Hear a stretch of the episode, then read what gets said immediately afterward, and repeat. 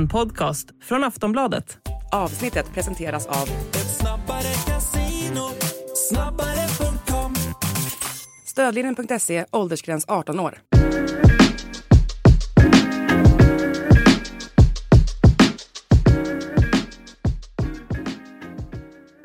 Allsvenska podden är tillbaka, ett litet uppehåll för att jag var på lite semester här i Gran Canaria. Min kära far fyllde 70 år, Eh, så att det var eh, klackarna i taket där nere. Eh, vi ska avhandla våra tips här Boman. Det är alltså jag, Daniel Kristoffersson och Per Boman. Vi ska avhandla våra allsvenska tips. Vi ska snacka lite silly season. Vi ska snacka lite vad som hände på upptaktsträffen och vi ska snacka om eh, Svenska cupfinalen mellan eh, Mjällby och Häcken blev det ju efter att semifinalen har spelats. Eh, och sen så har vi även med Simon Strand, Eh, Hammarbys eh, senaste nyförvärv, som ska berätta om, lite om förhandlingarna med Hammarby och eh, lite grann om hur han har akklimatiserat sig i sin nya omgivning. Eh, Men vi börjar som sagt med upptaktsträffen Boman. Där var du och röjde runt. Var det sig likt? Jag missade ju den eh, tyvärr, det här, det här året. Eh, ja, det var väl inte någon fest direkt så. Utan, nej, men det var, det var, det var lite småintressant och det är, ju, det är ju klart att en bra möjlighet att få byta några ord med alla representanter för de olika klubbarna. Så det är ju lite, brukar göra lite en- enkät och sådana grejer som kommer ut lite senare och sådär. Men det var ju ingen stor händelse direkt så att jag måste säga att den bästa läsningen om upptaktsträffen var ju den som Johan Flink levererade. Ja, det var magiskt. Ja, den historiska liksom eh, genomgången av eh, ja, hur, det, hur, det, hur det började allt sådär. Det var mycket snack om olika, att Olof Lund eh, skulle skallas av Liston och, och Mm. så vidare. Så den texten rekommenderar jag hundra gånger mer än någonting som, som vi andra skrev från dagen då. Men det var ju klassiska, det har ju eh, på de, alla våra sittningar här som vi har haft när jag var i baka landslaget så drar jag alltid Lund de där storiesarna. Eh, samma storiesar om hur det var på när de hyrde Finlandsfärger med journalister och tränare och hur det kunde uppstå spänningar och sådär. Så att, nej men den läsningen som Flink gjorde rekommenderar jag varmt. Det är lite lugnare på, på eh, de här upptaktsträffarna. Ja, väldigt professionaliserat måste man säga. Det, det, det, är, det är lugnt och fint. Jaha. Du, eh, om vi går vidare då så har det spelats cupmatcher i helgen där Häcken körde över Djurgården och där eh, Mjällby också tog sig till final. Vad, du har bevakat de här eh, och vad, vad säger du först om Häcken-Djurgården? Eh, nej men att det var ju såklart eh, ja, men, utspelning och utklassning mer eller mindre över, över 90 minuter. Det är klart att Djurgården hade en, en period i första, en, en längre period i andra halvlek där de, där de fick till det med ett Djurgårdsfotboll men då var ju matchen mer eller mindre redan över. Och att spela så aggressivt och offensivt mot Häcken kommer ju inbjuda till galet farliga kontringar, vilket givetvis Häcken fick också, där de avgjorde senare. Så att, nej men det man kan säga är väl att det är klart att man, man, kan, man kan prata om att Djurgården är trötta efter ett spelschema. Man kan, eh, man kan, man kan, man såg att det inte fanns riktigt den här kraften i dem. Men i första hand var det Häcken som var mycket bättre som fotbollslag helt enkelt. Det, de är de är eh, det enda topplaget som liksom är helt färdiga, helt redo och, och, och, kan prestera direkt liksom. Så att eh, det, det kommer krävas mycket av de andra lagen och, och för att kunna jaga ifatt. Ja precis, eh, jag såg eh, matchen här också lite grann kort från eh, på, på datorn här och Ja men det man får säga att det var ett Djurgårdens eh, ganska mycket individuella misstag som bäddade för Häckens eh, seger där i början. Samtidigt Häcken var, det var liksom inget snack om, om att de skulle vinna och sådär. Men sen så har man ju följt, eh, vad heter det, reaktionerna på sociala medier. Och då tror man ju liksom att Djurgården är på väg att åka ur allsvenskan, men de har inte börjat. Och eh, det var samma sak här när jag skrev om Jesper Ceesay, att det blev jättestora reaktioner på att eh, Ceesay skulle till IFK Norrköping. Och så tittar man då Jesper Ceesay inte knappt eh, startat någon match för AIK. Han har väl liksom bedömts av tre olika tränare att han inte liksom håller måttet. Så att det känns som att eh, det har blivit, de här sociala mediereaktionerna har blivit aningen överdrivna på allt. Det blir så stort alltihopa nu. Det har man ju vetat att det var det förut, men nu känns det som att det blivit ännu större liksom. Ja men intressant Samma sak med, med IFK Göteborg, med Micke Star och sådär också. Mm. Ja men intressant, men den här ständiga liksom, det här ständiga hjulet av liksom tykonomin som inte bara är i tidningar utan ännu mer på sociala medier. Det behövs ju nytt bränsle hela tiden för att gå runt liksom så att säga och då, då blir ju rätt små saker väldigt, väldigt stora och det är klart att alla kan ju säga att Jesper Ceesay har någonting. Han var bra mot Ja, en Västerås. bra spelare, inget Han- snack om nej, det. nej, han var bra mot Västerås Ja, till exempel. Jag tror att många för grupphoppet där då i den kuppmatchen. Men det är ju som du säger, det är ju ett antal tränare som har som har valt bort honom. Mm. Och jag pratade med Andreas Brännström på försäsongen och han var liksom, han var väl småpositiv till Ceesay, men nämnde det att givet den storleken han har, givet den fysiken han skulle kunna ha, så kan han inte riktigt utnyttja det på planen. Och jag tror att det är ett av skälen till att han inte riktigt vågar lita på honom som sexa, för att han inte har lärt sig att använda sin kropp på ett sätt som gör honom till en en riktigt eh, vass defensiv mittfältare liksom. Nej och så sen är det väl så att AIK ska väl ha en eller max två defensiva mi- mittfältare i startelvan. Där är ju Bilal Hussein, Jimmy Durmaz, Keita. Mm. Eh, och så jag menar att han kommer få vara och jag tror väl också att han själv vill väl, har väl velat bort från AIK när han sett att han inte har fått chansen. Och jag menar Norrköping känns det som ett jättebra steg för honom. Ja, Alltså där kommer han få spela tror jag. Ja, jag tycker det är intressant med Norrköpingsflytten just eftersom de värvade ju Sessaman Kambo ju, men som han, och jag trodde att han skulle vara sexa defensiv mittfältare i första hand, men han har fått vara mittback med, för att de har saknat Anton Eriksson och varit skadad en del och har spelat med Marco Lund där vi, och då har ju Ottmark fått dra ett tungt lass som, som sittande mittfältare och han är ju en duktig spelare, väldigt bra passningsspelare, men mot vissa typer av motstånd så är det möjligt att det är lite för tunt att ha honom som, som defensiv mittfältare och då får man ju in ett alternativ då i Jesper Ceesay, Mm. som ju inte är ja, som inte heller då är, är, är, inte är en jättestark närkampsspelare men skulle kunna bli det. Så det skulle kunna vara en, en bra utvecklingsplats för honom definitivt. Men det känns som en bra lösning för båda parter. AIK får in några miljoner, då måste vad heter det, banta truppen. Norrköping får in en potentiell startspelare och sen Jag tror ju inte Norrköping kommer vara någon konkurrent. Det är klart de är en allsvensk konkurrent och Mm. sett till supporternas förväntningar. Men jag tror liksom inte att AIK kommer med och slå toppen. och Norrköping kommer få eh, det svårt att vara med och slåss i toppen. Om Mm. inte allt stämmer. Så att jag tror att det är väl lugnt på så sätt. Sen handlar det säkert också liksom delvis om att den här, att AIK har ju sålt av sina stora talanger nu. De har inte lika Ja. mycket så kallat utvecklingsbara spelare eller försäljningsbara spelare i truppen. De har en del, ett yngre garde givetvis med Mm. eh, Ajari och, och, och, och alltså unga Ajari och Viktor Andersson och sådär, men de är inte riktigt nära spel just nu. Och då hoppas man att, ja, sån som Jesper Ceesay kanske skulle kunna varit en sån spelare, men det kanske blir för mycket Han är 21 långsiktigt strategiskt tänk så liksom. jätte- Nej, så att, eh, men, men det är väl liksom det som, ja, och då att man har, vissa dagar har man inte så mycket att prata om kanske då, och då blir, då, och det är ju klart, det är ju tacksamt att dina nyheter engagerar å andra sidan Disco, eller hur? Ja, ja, ja absolut. Jag klagar absolut inte. Jag älskar engagemanget men eh, jag var bara så förvånad över att det kan bli med tanke på just speltiden och sådär. Men något man kan säga om Häcken bara, bara säga någonting mer om det, det är ju att det var tydligt redan förra året när, att, att de så kallade marginalspelarna var jäkligt bra. Det var liksom, det visst centrallinjen, Hovland, eh, tremannamittfältet med bröderna Gustafsson och, eh, och Rygaard och eh, Jeremejeff var ju extremt viktiga och jätte, jättebra. Och sen har ju Sadiq även kommit upp på den nivån nu, men det är ju också värt att påminna sig om att att Johan Hammar fortsätter vara en, en allsvensk försvarare på 4 plus nivå som liksom käkade upp Viktor Edvardsen. Eh, Kristoffer Lund fortfarande var jätte, fortsätter vara jättebra på vänsterbacken. Fridriksson, islänningen, eh, liksom den eh, store Klunsen är ju fin med bollen och, och tar många kloka beslut och är dessutom en stark närkampsspelare. Eh, Lars Olden Larsen liksom är underskattad och Benny Traoré är liksom också ett jättebra jobb. Så det, det är ju det som är väldigt imponerande med Häcken är ju att det är inte bara de här stjärnspelarna som är, som är vassa utan även de så kallade marginalspelarna är ju på en riktigt hög nivå och det är den utvecklingen av de spelarna det är jätteimponerande. av. Sen måste vi prata om Mjällby också, skräller Mm. mot uh, Hammarby och tar sig till final. En match från Europa, det går liksom inte att inte imponeras över Mm. eh, Torstenssons eh, comeback här från rektor till Mm. eh, huvudtränare och eh, det var vackra scener där om man får säga så i, i omklädningsrummet när Hasse Larsson drog igång eh, segersången och han ville aldrig sluta och eh, Nej, det är bara hatten av för, för Mjällby, vilket, eh, vi- vi- vilken insats och ja, man kan säga att Hammarby var bleka och väldigt många individuella insatser som, som inte alls var bra men, men otroligt imponerad av Mjällby och eh, ja, det är, eh, tänk om de skulle vinna cupen. Ja, och med tanke på att det är på Strandvallen så skulle jag ändå säga att de har ja, men 40% chans kanske, Ja. vilket är en väldigt bra, bra, bra väldigt goda, goda odds. Men ja, ska man säga någonting om Hammarby så var det väl att den här, så att säga, den ungdomliga liksom, eh, den ungdomliga mm, prägeln på laget och de väldigt spännande spelarna de har.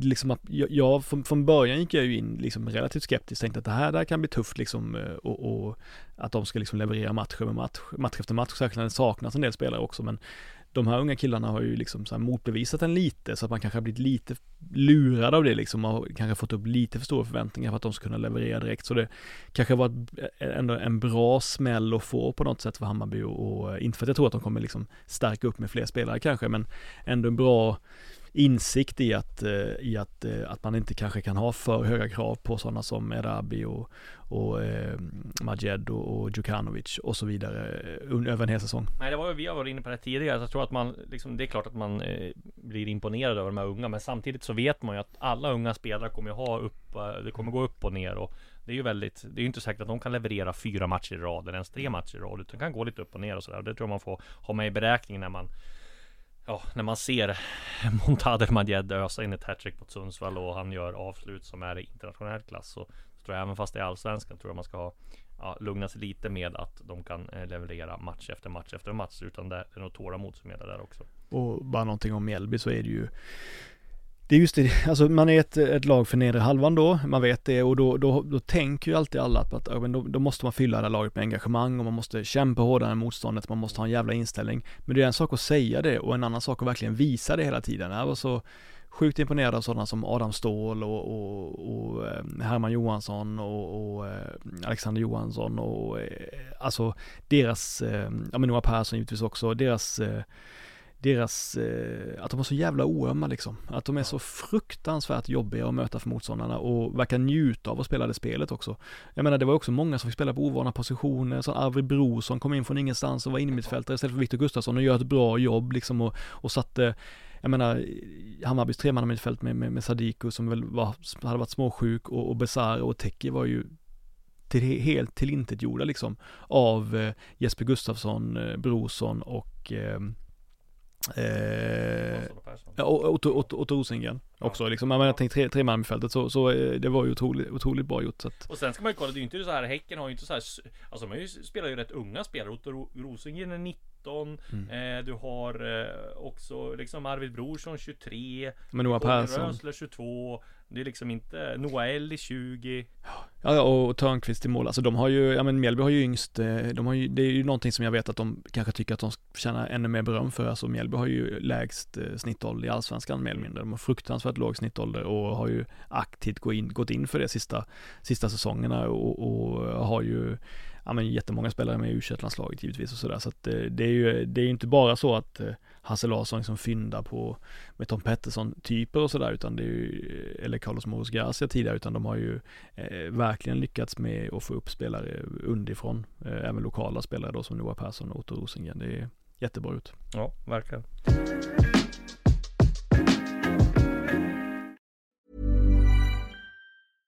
Ryan Reynolds here from Mint Mobile. With the price of just about everything going up during inflation, we thought we'd bring our prices down. So to help us, we brought in a reverse auctioneer, which is apparently a thing.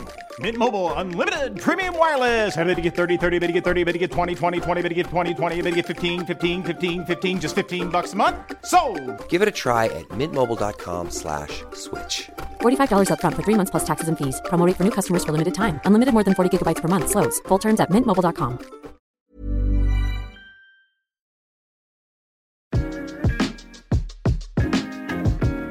Om vi går vidare då till eh, lite silly season så har vi ju avhandlat Jesper Ceesay till, ehm, till ehm, eh, eh, Norrköping. Eh, får man säga en bra värvning där. AIK ska väl ha ut ett antal till eh, spelare med tanke på att de har en ganska bred trupp. Det är Colin Cisenje där som, som är på på väg och, eh, och lånas ut. Eh, men det, finns, det är väl inget konkret än så länge. De jobbar väl på det. det är stänger väl 28 mars här in till allsvenskan. Sen är det väl vart han hamnar då, Colin, som man då har varit snack om.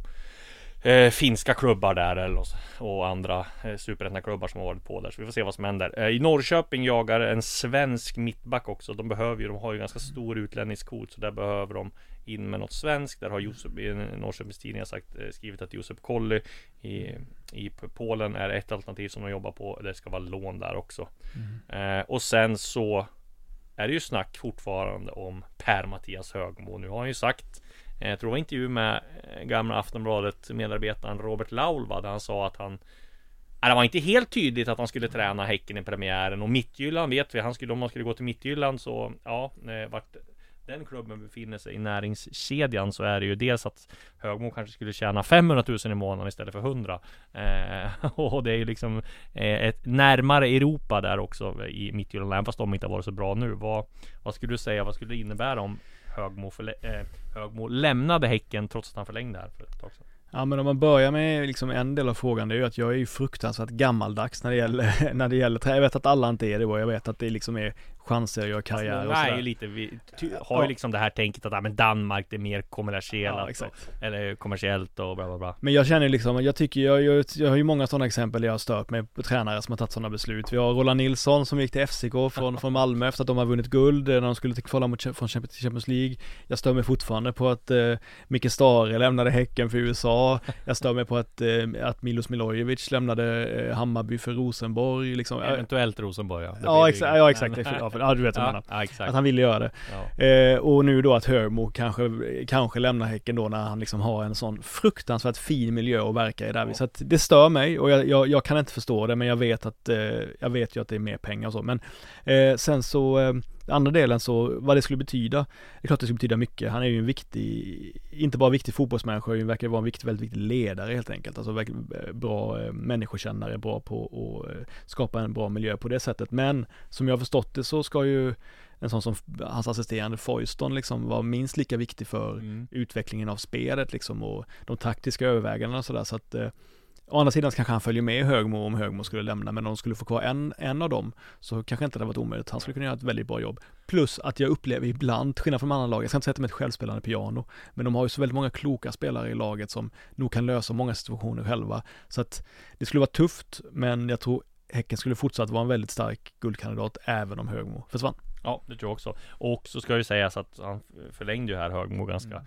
tidigt, så är det ju absolut inte säkert att han försvinner, men om han skulle försvinna så kommer ju Häcken få riktigt bra betalt, eh, Mm. får ju bra kompensation, så att eh, där får vi se. IFK Norrköping, eller IFK Göteborg jagar också ny tränare, där har vi skrivit om Nil- Nils Fredriksen, dansk, eh, för detta U21 förbundskapten, han har varit sportchef och Eh, både tränare i Lyngby, han har varit i Esbjerg eh, Han har varit i Brönnby där han tog guld och sådär så att eh, ja, han spelar 4-2-3-1 där som, som, som Stare mm, försökte spela så att han skulle passa in bra där. Jag har inte hört något mer där än. De är väl uppe i processen nu och överväger vem de ska Ska ta in så vi får se vad det blir där. Jag tror de har, inte har sån brådska. Även fast de vill ha klart det fort så tror jag mer Viktigt att det blir rätt för IFK Göteborg. Jag vet, eh, ap- apropå vår gamla kollega Laulo så gjorde han en intervju med Stare. Ja, Och jag reagerade, alltså jag skrattade till lite för att jag tyckte det var, det var en lite kul bild. För han berättade Stare att han alltid hade med sig en liten speciell låda ja i varje, Ja. till, till, till kontoren var han än jobbar för att han ska vara beredd på att snabbt kunna packa ner sina Ja. grejer om han får sparken. det tycker jag ändå Ja var, men det är ju ex- ja, men det är ju exakt den cyniska förhållningssätt som Stare har till tränarbranschen. Det säger mycket om honom. Han hade ju till och med låda. med passet i den när han skulle till San Jose också där i Häcken, sa han ju. Ja. Så nu behöver man passet. Ja det var, det var en liten härlig detalj där. Om vi lämnar silly season då och kuppen så ska vi gå direkt på allsvenska tipset. Ditt eh, sedvanliga stora tips som är ett mastodontips som är välkänt i fotbollssverige. Eh, otroligt eh, initierat tips. Ingen kan ju säga att du inte har gjort researchen och ingen kan säga att du inte heller motiverar dina, eh, dina tips. Men sen kan det ju bli fel. Det kan är man lugnt säga, det kan man lugnt Det är säga. ju inga problem med det, men du har ju backat upp Mm. eh, ditt tips. Så berätta lite grann om, ja, hur du, Eh. vad du tror om Allsvenskan. Ja, jag tycker det är, ju- det, det är ju så att eh, man kan ju tippa på, man kan ju tippa roligt. Jag tippar ju inte så roligt eh, så att jag har så mycket överraskning eller sådär, utan jag är ju väldigt så eh, vad jag tror verkligen liksom. Jag Och, tippade eh, året ska jag dra en anekdot. Det var ju för, nå- för några år sedan där jag eh, tippade Kalmar. Eh, det här var alltså s- sju, åtta år sedan. Tippade Kalmar som vinnare av Allsvenskan. Då började de typ med så här tre, fyra raka segrar. Ledde Allsvenskan efter typ ni, åtta, nio omgångar. Och så tror jag det var kollega Patrik Ekwall som skrev då på TV4 som skrev att ja, man får ge Disco att han var helt rätt ute när det gäller Kalmar. Och sen så i sista matchen så klarar de precis att att undvika kval. Då bara, jag tror inte de vann en match efter han skrev den tweeten. Så att, ehm, tippa roligt, det har jag lärt mig att det ska man inte göra. Nej, men, men, men, men eh, ja, exakt. Och jag, jag, det, det jag satt och funderade mest på var faktiskt, det var ju de, de fem, sex eh, topplagen och hur jag För det skulle är svårt i år. Ja, väldigt svårt och, och det var väl en vecka sedan jag tippade ungefär och, och det var ju innan då Djurgården hade åkt ur eh, Europa, de hade väl just slagit Malmö och de hade inte mött Häcken borta än men jag kände helt enkelt att det jag hade sett på försäsongen, jag hade sett ganska mycket matcher och jag upplevde att det var tydligt, dels att Häcken har lyckats behålla alla i princip hela centrallinjen och då hade de också lyckats, då var tydligt allting på att Högmo skulle vara kvar, de var kvar hela centrallinjen. Eh, deras centrallinje är en sån bra ålder att eh, Hovland, Rygaard och bröder Gust, bröderna Gustafsson, de jagar inte ett utlandsäventyr, även om de kanske skulle kunna hoppa på det, framförallt bröderna Gustafsson, men de ville vara kvar och det är ju väldigt ovanligt att ett guldlag lyckas behålla så många spelare. Eh, och att de under, under försäsongen nästan har sett bättre ut. Så att jag tycker helt enkelt att de är så långt före alla andra konkurrenter spelmässigt just nu. De andra kan givetvis komma ikapp, men de har ändå en uppförsbacke för att komma före. Och då kände jag att jag kan inte ta ett annat lag än Häcken som etta. Eh, trots att de har det här med utmaningen med Europa och, eh, och att det är väldigt ovanligt att, att, en, att en klubb vinner två år på raken. Och du hade ju det här som du sa eh, Du hade ju före, jag tippade liksom Häcken före deras eh, utskåpning av Djurgården. Ja men jag kände, jag hade nog, jag hade nog stått kvar vid tips även om de förlorade också. Men sen så är det ju väldigt, väldigt svårt då liksom Ja, eh, vad, vad, vad kör du, vad, vad, vad, vad tror du om Häcken Nej då? men jag tror ju, det här kommer jag säkert få äta upp eh, Men jag tippade ju Häcken femma. Det blir säkert sågat för det här nu men eh, Också innan kuppen Men jag tror ju att de kommer gå ganska hårt för Europa tänkte jag. Och det blir man ju straffad för. Jag tror att de kommer gå ganska långt Och då tror jag det blir svårt. Visserligen har de en hyfsat bred trupp Men de, jag tror det kan bli svårt att slåss på, på två fronter och det brukar straffa sig. Så jag tror att Häcken kommer få en bra säsong, de kommer komma långt i Europa, men jag tror att då kommer det bli lidande i, i slutändan. Och sen så tror jag så här, Ola Kamara, som de har värvat, det glömde vi säga förresten, GP eller vem det var nu, om de får på direkt, Fotboll Direkt, direkt var det som Mm. avslöjade att Ola Kamara var på, på gång. Det är en jättebra värvning om man kommer igång, men det kan också vara att jag vet inte, jag tror inte riktigt lika eh, leverans, eh, höga lever, eller liksom leveransgaranti som på Jeremejeff eh, och sådär. Men får de igång honom, wow vilken spelare han är på sin högsta nivå. Men det kan nog ta ett tag innan han börjar leverera. Så att det finns en del frågetecken där just, även fast eh, de spelar väldigt bra mot Djurgården. Så därför eh, bara Och det är klart att det är helt rimligt, alltså jag tycker att den, den, den invändningen är, är jätterimlig. Häcken är inte vana vid att klara av dubbeltmatcherna på det sättet. Och då som du, det, det, det är helt omöjligt att veta hur de som kommer klara av det, så att det kan mycket väl vara att det, att det fäller dem på lång sikt. Så min eh, vinnare då, det blir ju Malmö FF. Jag är ju fortfarande liksom så här imponerad över deras bredd när jag var och, och såg dem i Marbella där när de körde med två olika startelvor och det var stjärnor i varenda startelva. Och till råga på allt så har de ju fått in Stefano Vecchi också nu handplockad av eh, Henrik Rydström och har man sett liksom eh, Taha Ali under Rydström så har jag tyckt att han har tagit steg eh, och just handplockade värvningar kan bli väldigt bra. Så jag tror också att Stefano Vecchia kan bli grym för Malmö FF och då har de ju en bredd när det gäller mittfältare och yttrar som är eh, jätte, jättestark. Eh, så att jag tror att och nu blir det ju inget Europa heller för Malmö när Eh, de inte klarade kuppen Så att nej, där tror jag Malmö går all in och på SM-guld och det kommer löna sig. Eh, tvåa tippade jag Djurgården. Eh, jag tror att de kanske inte kommer få eh, lika stora framgångar i Europa som, som eh, förra året. Då kan de satsa väldigt mycket på Allsvenskan. Där har de väldigt bra trupp redan nu. Skulle det visa sig att de går, eh, har häng på SM-guld och, och, och liksom är med i toppen, vilket jag tror de kommer vara i sommar, så finns det utrymme för att värva. Även om det kommer kanske försvinna en del spelare. Hampus Findell kanske säljs och sådär. Så jag tror att de kommer vara väldigt bra. Trea har jag AIK också. Jag tycker deras bredd av erfarna spelare är bättre än på länge. De har fått liksom en, en tydlig eh, strategi i klubben med Andreas Brännström. Eh, och nej, jag tror att de kommer göra en väldigt bra eh, säsong. De har också Viktor Fischer som är väldigt bra. Jag tror John Guidetti kommer, kommer eh, göra en del mål och sådär. Och, och sen har de, ja men de har Milosevic verkar ju vara frisk nu och det har väl varit det största frågetecknet innan och, och när det är rättat ut så tror jag det blir bra. Och fyra då har jag Hammarby. Jag tror de kommer eh, också göra en rätt, rätt bra säsong. Jag menar fyra är ju inte jättedåligt för Bayern. Eh, får de till allt, jag menar alltså alla de här lagen kan ju vinna SM-guld liksom. Det är ingenting snack om det. Men jag tror jag har sett lite, jag tror de saknar en eh, riktig nia i, i Hammarby eh, För att det ska vara, liksom skulle ha varit topp, eh, toppkänsla Men Eh, vi får se vad som händer där. De har också en bredare trupp än på länge. Men jag tror ändå till slut att så tror jag att det, det är så där det kommer sluta. Mm.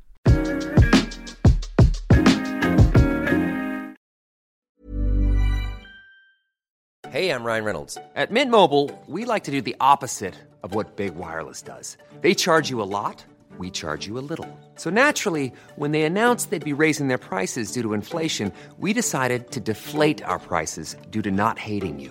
That's right. We're cutting the price of Mint Unlimited from $30 a month to just $15 a month. Give it a try at mintmobile.com slash switch. $45 upfront for three months plus taxes and fees. Promo rate for new customers for limited time. Unlimited more than 40 gigabytes per month. Slows. Full terms at mintmobile.com.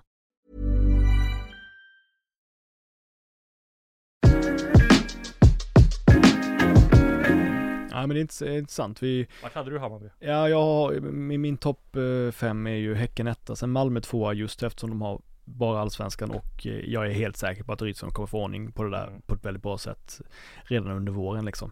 Men att de är lite för långt bakom Häcken för att typ, eh, gå förbi dem i år då. sen Djurgården som trea, eh, AIK som fyra, eh, Hammarby som femma och Elfsborg som sexa. Eh, AIK är, är ett intressant lag liksom. Eh, just att de har en sån stark, stark startelva och att de har den åldersstrukturen på laget nu. Eh, där det är liksom, Brännström kommer in lite som en ombyggnadstränare och han skulle få tid på sig. Men laget han har fått är ju ett sånt som ska leverera direkt liksom. Det är ett sånt, eh, det är ett, eh, det är ett lag fullt. Jag menar, Durmaz, Milosevic, eh, Sotte Papa- Papadopoulos, Fischer, Guidetti, Nordfeldt.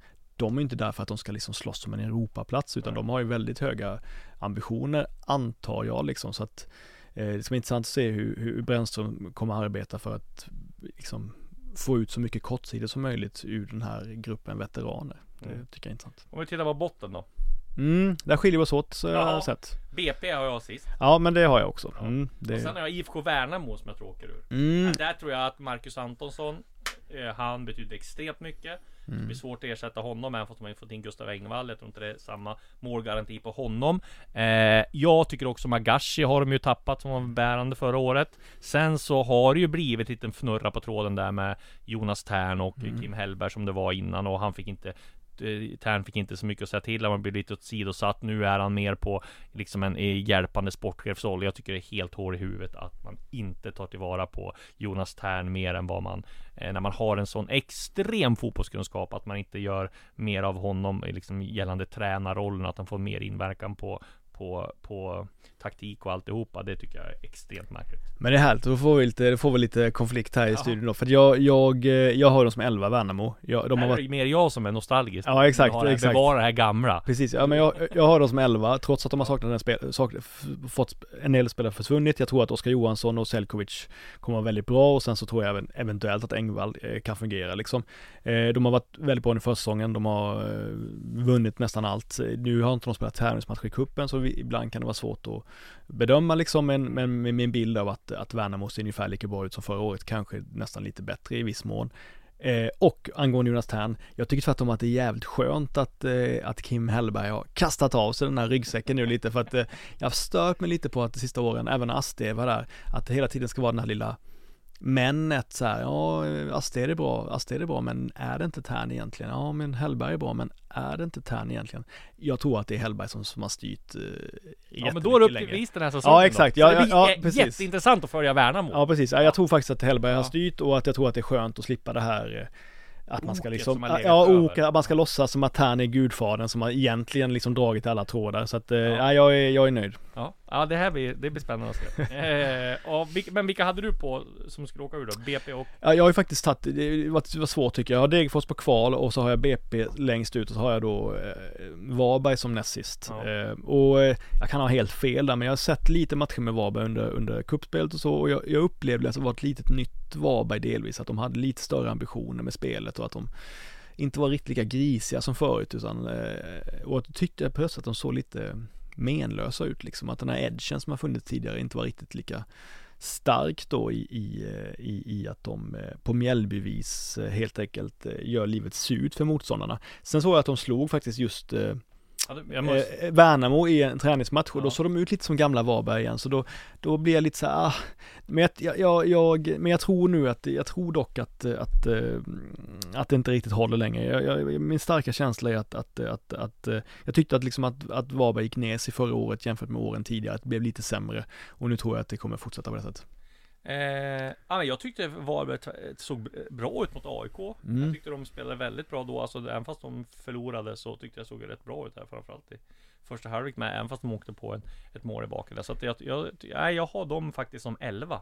Jag har Halmstad som, som får kvala. Mm. Jag tycker de också har liksom ett, värvat ganska smart i Viktor Granat och sådär. Men jag tror väl att där är är det väl mer att liksom defensiven. Vi får se om den håller för, för allsvenskan. Jag tror att liksom Baffo var viktig nu, men jag tror också att liksom spelet över hela banan med, med det defensiva kan straffa sig och sådär. Så att Halmstad har jag på kval. Mm. Ja, jag har ju rätt gott öga till Halmstad så att jag, jag, jag Vem tror hade du på kval? Degerfors? Ja, Degerfors. Degerfors. eh, Och sen har jag Halmstad på en position över. Men Ja, det, tvärtom. Ja, Ja, precis. Det blir ju mycket, det, det är ju små nyanser här Ja, ja. liksom, så man får se. Men angående det du säger om Varberg, jag tycker också de såg ganska bra ut mot AIK. Men Varberg ska inte se ganska bra ut. De ska se jobbiga ut. Så det var det som, det var det, ja. Ja, som, eh, det var det som fick mig lite perplex liksom. Om vi går vidare och vad men till exempel eh, sexa har jag Elfsborg, sjua har jag IFK Göteborg. Det känns ju väldigt högt nu. Det här var ju innan allt eh, kaos här också med, med Stara och sådär. Eh, åtta Kalmar, nia Norrköping, tia Mjällby, elva Varberg, 12 Sirius och så 13 Degerfors då. Mm. Ja men det, att anmärka på där. eh, det, det, det, ja men jag, jag tycker, ja. Det är ju svårt liksom med Elfsborg. Ja, får de till allt så kan ju de komma. Alltså det är ju. Mm. Eh, möjligen att eh, då man reagerar lite på kanske att Blåvitt är kanske någon, någon placering för högt upp då. Men, men, men eh, i övrigt så, ja, det, det, det, man får ju känna att det är med i segment liksom. Eh, eh, än, att man kan eh, känna sig säker på sin eh, exakta placeringar. Vad, ditt ah, tips då? Ja, nej, men jag kan dra det från, eh, eh, det är ju då alltså Häcken etta, Malmö tvåa, eh, Djurgården trea, AIK fyra, Hammarby femma, eh, Elfsborg sexa, Kalmar 7, eh, Norrköping 8, Blåvitt 9, Mjällby 10, eh, Värnamo 11, eh, Sirius 12, eh, Halmstad 13, Degerfors 14, Varberg 15 och BP 16. Då har vi BP, Sirius och Mjällby på samma position. Mm. Ja, det är Ja, bra. nej, men det blir spännande att se vart det slutar. Det är ju alltid så här med tips att det är väldigt roligt att dissekera dem. Mm. Eh, sen får vi se vilka som vinner. Och oavsett ska det bli extremt kul att Allsvenskan börjar snart. Det är genrep nu till helgen eh, och sen så drar det igång. Mm. Många bra matcher i första omgången också. Ja, verkligen, verkligen. Sen måste vi också avhandla eh, Ja men får man säga förra veckans grej här i, i Samuel Gustafssons utspel om att Strandvallen är en pissarena. Så ett extremt många reaktioner på det också, vilket var väntat. Din take på det hela?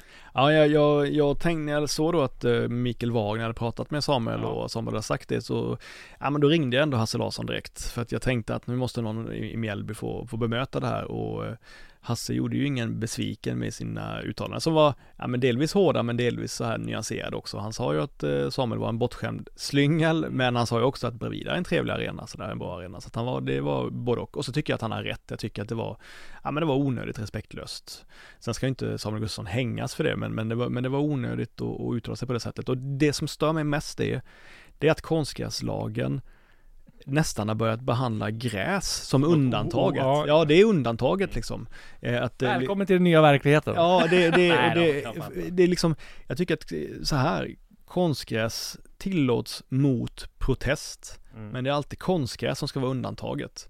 Inte tvärtom, och där tycker jag faktiskt att de lagen lite ska veta sin plats i, i, i allsvenskan. Så att eh, det vänder jag mig em- emot mest, liksom att, att de Ja, att de, att de känner sig lite kränkta och att de tycker att det är jobbigt när det inte är den här exakta platta konstgräsplanen som inbjuder till exakt deras sätt att spela fotboll på, utan de får nog faktiskt lära sig ha strategier för att hantera olika typer av fotbollsplaner. Det var ju extremt roligt också när han fick uppföljningsfrågan här. Var det Wagner? Ja, det var? Wagner. Ja, Wagner på, på Samuel Gustafsson som sa sen att han, han ångrar sig inte men att det var odiplomatiskt och sen så fick jag fråga vad han trodde var skulle bli årets flopplag. Då sa han Mjällby.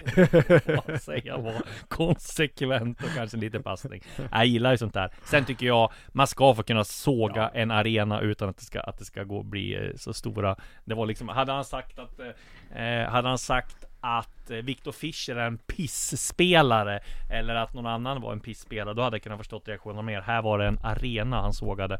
Eh, så att, eh, ja, nej, så farligt tyckte inte jag det var. Men det älskar ju att det blev såna, sånt efterspel och framförallt att man stod på, på sig där om Mjällby. Det tycker jag. Nej, det piggar upp. Det var ju inte, det var ju med en klackspark såklart, tror jag också som man sa det. Och en liten passning. Ja, det händer mycket i, runt den allsvenska fotbollen. Det gillar vi. Eh, nu ska vi ha med oss Simon Strand eh, i eh, den allsvenska podden. Han ska berätta lite grann om hur förhandlingarna med Hammarby gick, Eh, vad han tänker om sin nya klubb och lite grann om eh, ja, men hans eh, inkastandet direkt i hetluften i derbyt mot AIK och eh, ja, plattmatchen mot Mjällby och sen lite vad han tänker om säsongen som kommer. Så vi säger välkommen till Allsvenska podden Simon Strand. Ja, då säger vi välkommen till Simon Strand, nybliven bayern värvning eh, Berätta lite grann hur första tiden i Stockholm och Hammarby har varit. Ja, tack. Eh, nej, men det har varit väldigt bra. Eh, jag blev inkastad ganska snabbt i eh, ett hett Stockholmsderby där. Eh, vilket eh, passade mig ganska bra kändes, kändes det som. Eh, jag hade kanske tre eller eh, fyra träningar innan, eh, innan eh, derbyt. Och, eh, ja, men det, jag blev eh, välkomnad, välkomnad eh, bra utav hela klubben och, och alla försökte hjälpa mig eh, så gott de kunde. Eh, I och med att det blev så snabb eh, fram till första matchen där. Så att, eh, nej, men det har varit en bra, bra första tid skulle jag säga.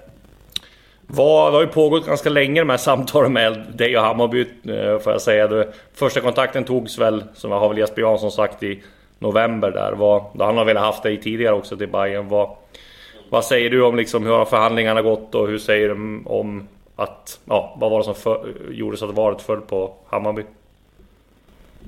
Nej, men som du säger så... Eh, ja, det har varit en ganska tidig kontakt eh, sen i november där. Eh, men eh, ja, som spelare så kan man inte tänka så mycket på det. Jag hade ju en... Eh, tillhörde Elfsborg just då och för min ena del så hade det blivit Elfsborg som måste ju vara grymt tränad där. Eh, så för mig själv så är det liksom att bibehålla...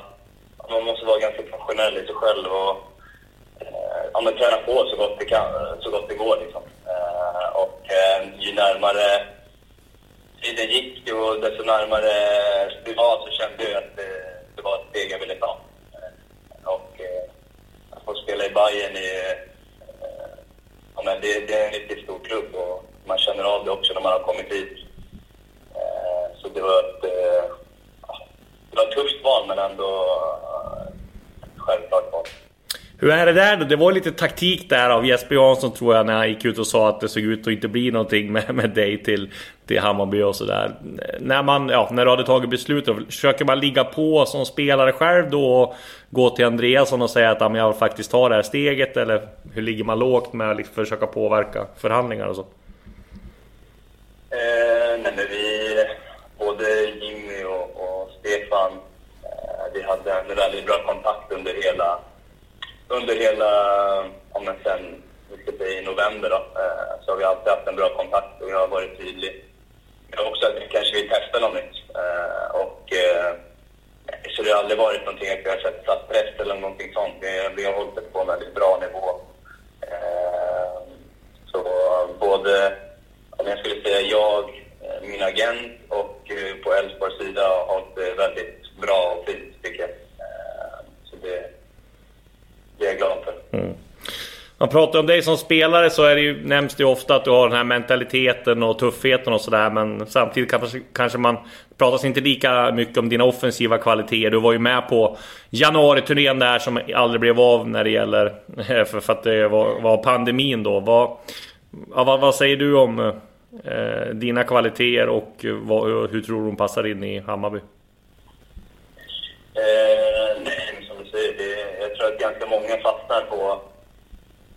som den tuffa spelaren och eh, vissa till och med säger att man är ganska ful och så. Eh, men eh, absolut så finns det andra kvaliteter också och jag hoppas att det kommer, kommer att visa sig nu i Hammarby.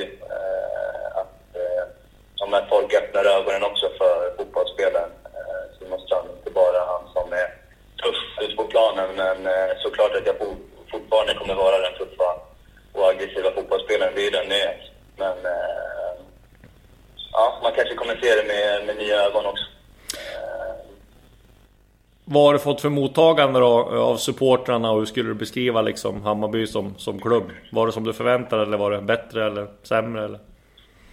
Eh, nej, grymt. Alltså. Det har bara varit positiva. Eh, Instagram har ju varit igång sen jag... ja, men sen, sen, eh, sen jag skrev på och lite innan det också. Ja. Eh, och många, många man känner sen innan också från, från Stockholm är ju Bajer också, så de är ju glada när man väl har eh, kritat på och så. Men eh, nej, det är riktigt stort och man känner av eh, ja, att det är en stor klubb och det är mycket eh, Bajer runt om i Stockholm. Så att, eh, eh, jag har fått ett väldigt fint mottagande skulle jag säga. Både supportrarna eh, och eh, ja, men i klubben i helhet. Både folk på kansliet som man känner till sen, sen innan. Vissa hade tydligen tränat med när jag var eh, litet eh, barn i, i Stuta IF och, och vissa har man spelat mot eh, sen innan liksom. Så att det är väl, väldigt och mottagandet har varit väldigt fint. måste jag säga. Mm. Börjar ju bra med, med en seger där och du kastas in i hetluften direkt. Berätta lite grann om den, din debut där först. Eh, ja, men som jag sa innan, det var tre eller fyra träningar och sen var det dags för, för derby. Eh, och jag kände väl att jag var redo. Jag hade väl ändå förberett mig väl i Elfsborg med, med min träning och så. så att, eh, eh man, man försöker ta de träningarna man, man får tillsammans eh, ja, men för att lära känna varandra så snabbt som möjligt. Eh, men eh, sen när man är där ute i derby, då är det mycket kanske inte är så mycket taktiskt man måste kunna för att eh, ja, men, vinna ett derby. Det är mer kamp och, och sånt. Så att, eh, eh, nej, det var direkt in i hetluften och eh, det var en mäktig känsla att få, spela på fullsatt eh, Tele2 och Mm. även vinna det. Det var riktigt häftigt faktiskt. Och sen då kanske inte lika häftigt i, på Strandvallen i, i Mjällby där. Det kändes som ni underpresterade nästan varenda spelare kanske förutom Oliver Dovin. Vad, vad, vad säger du om insatsen där? Ja, nej, det var väldigt klent, måste jag säga. Jag vet faktiskt inte orsaken till det heller, men eh, jag hade inte så mycket att komma med, eh, tyvärr. Jag vet inte statistiken och vad, vad, vad den låg på, men det kändes som jag hade svårt att komma igenom eh, Mjällbys eh, lagdelar. Eh, och att de var lite hungrigare, eh, mer aggressiva. Så eh, nej, det var tråkigt. För att vi gjorde en sån fin prestation i derbyt och ja, så nära en final. Eh, men eh, det är det fotboll handlar om. Man kan inte bara prestera i en match. Det gäller att, och vara, fortsätta att prestera varje match. Mm. Jämför man Hammarbys trupp nu då med, med tidigare trupper så känns det ju som det är lite, eller det är ju lite yngre spelare. Samtidigt kanske det är lite större bredd ändå med en del, ja, en del spetsiga unga spelare som Montader Majed och Josef Erabi och sådär. Och sen är det många etablerade eh, namn som, som, ja, men som inte kommer få plats i, i startelvan. Vad kan man ha för krav på Bayern eh, 2023 och hur ser du på truppbygget? Eh, svårt att säga. Alltså som sagt, jag vet inte hur många träningar jag varit på än så länge. Det var tio stycken. Ja. Men eh, det är svårt att säga i nuläget. Alltså det är många som är eh, många som är borta och, och skadade och sjuka. Så att, eh, det är knappt så att jag har träffat hela truppen än så länge. Det var kanske lite taskig fråga av mig där. Ja, precis. Nej, men alltså det är såklart. Är alla friska och, och tillgängliga så, så har vi en eh, riktigt bra, bra trupp. Ehm, så det är det jag kan säga. Ehm, mer än så är det, svårt att spekulera i också. Mm. Vad, vad säger du om Marti Cifuentes då? Vad har, ni fått för intryck av honom? Eh, men eh, jag gillar honom redan faktiskt. Och eh, eh, intensiva träningar han, han ligger på. Och, och, och man, eh, han, har, han har varit och hjälpt mig extra liksom på ja, men kunnat vara lite mer individuell, peka vad, jag ska, vad han vill att jag ska göra lite. Eh, så som sagt, det är en väldigt kort tid också, men jag har fått väldigt bra indikationer och ja, men en bra känsla kring honom. Eh, så jag är bara positivt än så länge. Mm. Härligt Simon, det är landslagsuppehåll nu. Sverige möter Belgien på, på fredag. Hur ser eh, din och Hammarbys vecka och helg ut? Eh, just nu har vi varit lediga några dagar. Mm. Eh, men eh, vi kommer ju träna på. Sen har vi en träningsmatch mot eh, Honka på, på lördag, tror jag det Mm. eh, Och det är väl genrepet inför Allsvenskan. Sen är vi igång. Ja. Ja, Det känns eh, skönt att dra, dra, dra igång snart. Det har varit en lång försäsong. Vad, vad säger du? Ja, faktiskt. Eh, ja, alltså både och. Eh, Det har varit mycket fram och tillbaka. Jag har varit i Portugal och några veckor i Borås och några veckor här. Så att, eh, jag vet inte, det har varit en konstig försäsong för min egna del. Men eh, det ska bli skönt och, och att det äntligen drar igång så. Eh, bara att man själv ska ja, men, lugna ner sig lite och kunna ja, men, hitta sitt i Stockholm igen här. Så, att, eh, så kommer det bli skitbra. Härligt Simon, tack så jättemycket för att du var med i podden. Tack själv. Ja precis, och Simon Strand får avsluta det här avsnittet av Allsvenska podden. Vi är tillbaka nästa vecka. Då laddar vi upp för den allsvenska premiären. På återseende. Du har lyssnat på en podcast från Aftonbladet. Ansvarig utgivare är Lena K Samuelsson.